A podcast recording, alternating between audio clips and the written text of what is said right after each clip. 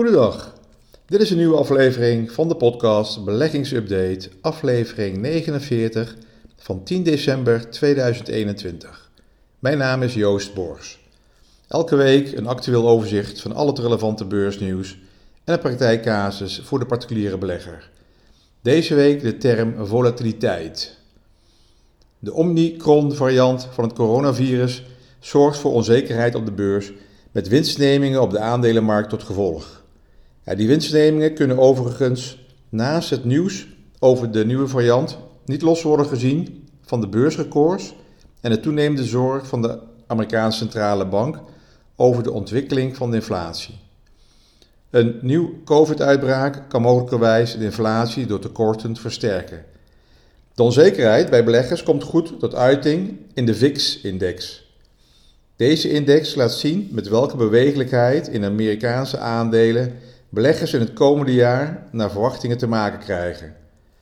De index is omhoog gesprongen van een laag naar een bovengemiddeld niveau en reflecteert daarmee dus de toegenomen onzekerheid van beleggers. De financiële markten kunnen daarom in de komende weken behoorlijk bewegelijk blijven. Ja, de beurs is deze week ook heel bewegelijk. Er lijkt wel een eh, yo-yo of springkussen. Gedurende de dag zijn er vele stijgingen en dalingen. Ja, per saldo zijn, wel, zijn we wel een stuk lager dan eind november. De bewegelijkheid zie je dan vooral terug bij de technologieaandelen. Soms probeert de Amerikaanse technologiebeurs, de Nasdaq, de dag te starten met een plus, maar zakt na de opening weer weg. Ja, de AX is grotendeels ook een uh, technologie-index, dus ook de AX beweegt een beetje met die Amerikaanse Nasdaq mee. Ja, dinsdag steeg de AX-index 3,5% richting de 805. Dat er een stijging zat aan te komen kon je aflezen aan de volatiliteit-index en de Fear and Greed Index, de angst- en hebzucht-index. Eigenlijk is het een soort klok. Het stond op een stand dat extreme angst aangeeft. Dat stond ongeveer, uh, verleden week vrijdag stond hij echt op een, uh, helemaal diep in het rood. Twee weken daarvoor, twee, drie weken daarvoor, stond die, de klok nog op een uh, hoge stand. Hè, groen, hoog in groen, richting hebzucht. Ja, de bewegelijkheid van de beurs zal aanhouden. Dinsdag werd het gevoed door nieuws dat de nieuwe variant niet zo besmettelijk is dan eerder werd verwacht. Maar ja, dat kan uh, dan weer over een paar dagen weer anders zijn. In ieder geval GlaxoSmithKline, de farmagigant, geeft aan dat hun uh, vaccin daar wel bescherming aanbiedt. Maar dan is er weer Moderna die zegt dat het bij hun dan wat minder werkt. Nou ja, ik denk dat we nog een week of twee moeten wachten. Want Pfizer zou over twee weken wat meer zekerheid kunnen geven over uh, hoe sterk hun uh, vaccin is. Maar in ieder geval het snelle herstel van de beurs na de dalingen is bijzonder, omdat er fundamenteel geen verandering is geweest in de macrocijfers zoals inflatie, rente en of de economische groei.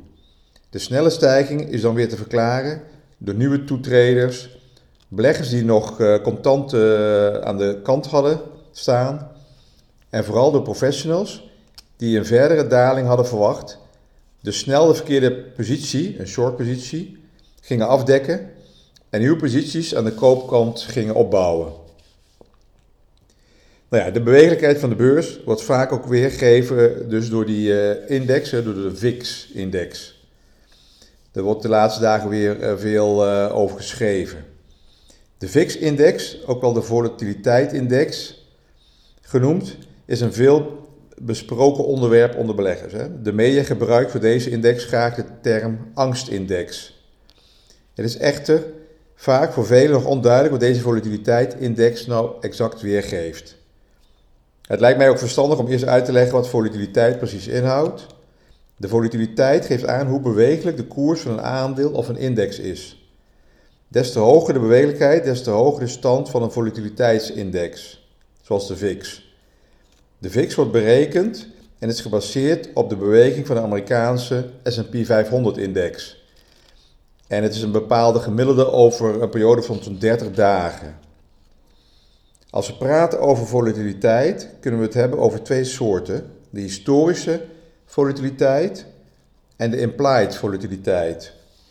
De historische volatiliteit slaat op de gerealiseerde beweging in het verleden, dus vanaf de afgelopen 30 dagen of misschien wel langer, terwijl de implied volatiliteit betrekking heeft op de verwachte beweging in de toekomst. Die laatste, de implied volatiliteit, wordt gebruikt voor het berekenen van optieprijzen. Nou, zoals je misschien zelf ook wel eens uh, hebt ondervonden, neemt de bewegelijkheid van aandelen en indexen in onzekere tijden toe. beleggers raken door bepaalde nieuwsberichten, bijvoorbeeld corona of economische ontwikkelingen, in paniek, waardoor het dagelijkse de volume stijgt.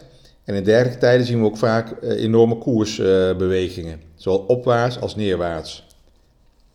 Nou, hier staat tegenover dat in tijden dat de beurs stijgt, de koersuitslagen veelal kleiner zijn.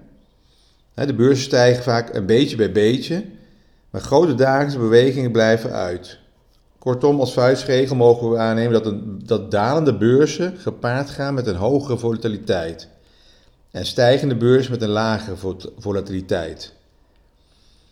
Er is een groot verschil tussen een, eh, een week- of een daghandelaar en een lange termijn belegger in een markt met uh, dit niveau van onzekerheid en de bewegelijkheid, bijvoorbeeld veroorzaakt door een nieuwe COVID-variant. Winst, zoals een, een, daghandelaar en lange termijn belegger, die reageren allemaal verschillend op dit soort nieuwsberichten. Winsten en verliezen op de aandelenmarkt kunnen elke dag elkaar afwisselen, zelfs gedurende een dag.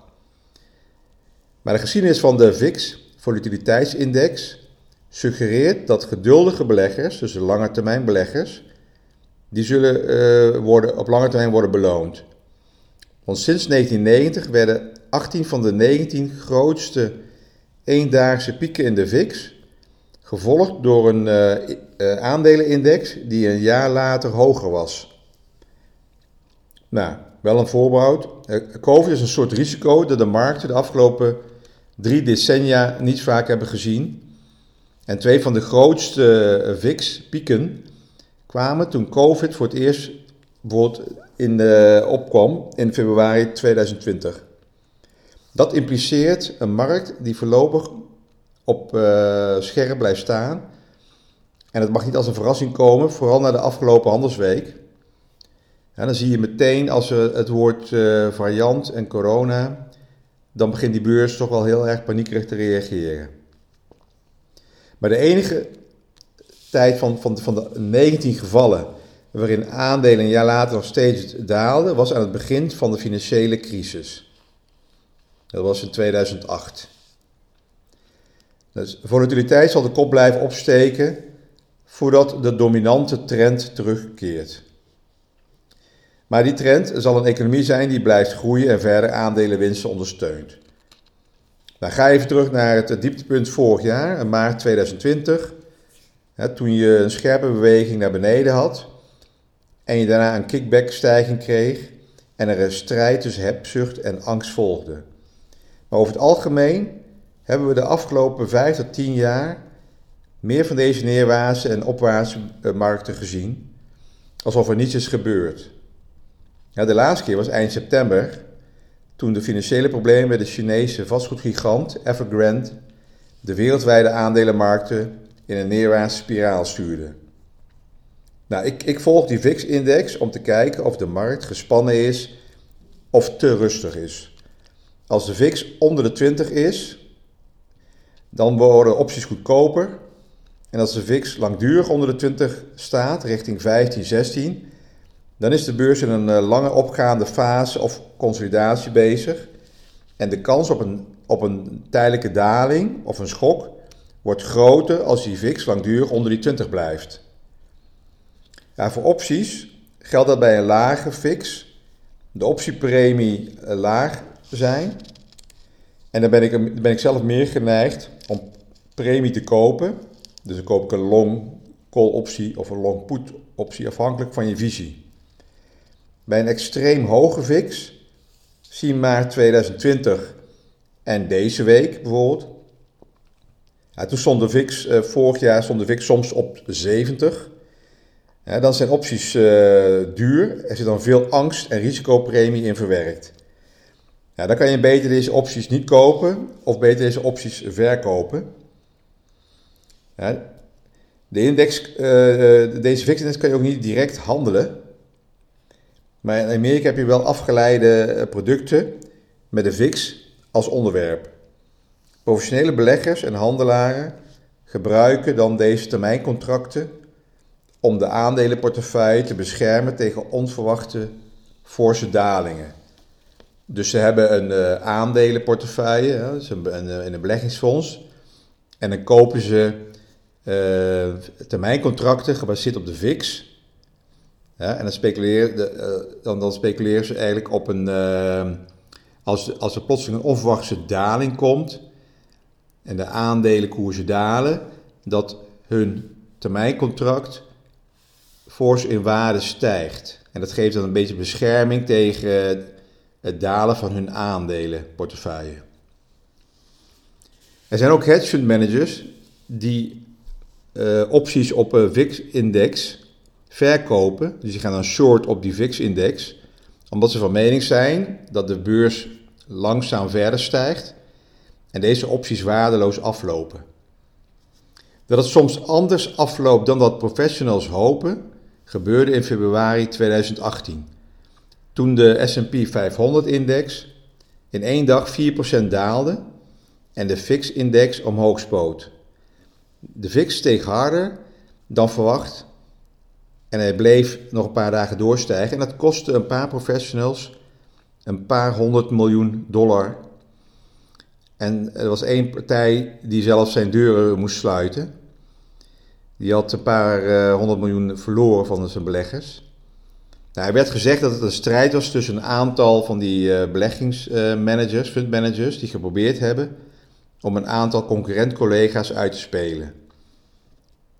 Een aantal banken trokken zich een paar maanden terug uit deze handel en stopten met producten die gebaseerd waren op deze VIX-index in Amerika. Dus zo zie je maar, ook professionals speculeren en worden soms zwaar geraakt. Een professional blijft ook gewoon een eigenlijk een particulier. Het verschil is dat een uh, professional, een fund manager, niet handelt met zijn eigen geld en een particulier wel. Dus een fund manager huilt niet bij verlies en gaat gewoon verder op zoek naar nieuw geld van beleggers. Als je de VIX wil volgen, dan kan je het gewoon googlen, vul je VIX VIX-index in en dan krijg je daar allerlei uh, berichten. En dan zie je ook de, de koersontwikkeling en de grafiek kan je dan volgen van deze VIX. Het is wel interessant om, het, om te volgen en dan kan je een beetje kijken naar de, de correlatie met de aandelenmarkten. Nou, nu nog even een paar uh, nieuwsfeiten. Binnen de AX gaat een kleine verschuiving plaatsvinden. Het aandeel ASR-verzekeringen uh, gaat eruit en zakt naar de midcap index. ASR heeft toch dit jaar een, stijging van circa 20% laten zien als verzekeraar. En heeft ook nog een heel mooi dividendrendement. Van iets meer dan uh, eh, 5% op jaarbasis. Maar ja, dat mocht niet baten. De marktkapitalisatie is uh, te klein. ASR wordt vervangen door een uh, nieuwkomer. Dat is een Universal Music Group. Dit aandeel beheert de rechten van vele grote artiesten, internationaal en ook uh, lokaal. Universal is, uh, nog, zit nog voor een klein gedeelte zitten de aandelen bij Vivendi, het Franse concern Vivendi. En Universal Music Group is sinds september op de beurs in Amsterdam genoteerd. En ook Ajax, ondanks het succes op het veld, zakt ook uh, uit de uh, small cap index, de index voor de kleine fondsen. Zakt, dus degradeert vanuit de small cap index naar de lokale markt. Dit heeft ook te maken met de lage marktkapitalisatie. Nou ja, dan moet Ajax maar de Champions League winnen. Dan hebben ze ook nog wat leuks gedaan dit jaar. Oké, dank voor het luisteren. Alles op persoonlijke titel. Ik hoop dat je een beetje dat, uh, dat fix-verhaal uh, begrijpt. Je kan zelf ook inderdaad ook zeggen van als je eh, Google kan je er wat uh, terugvinden.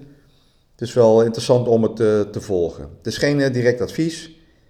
Je kan mij ook volgen via Instagram voor actuele updates. En tot de volgende week.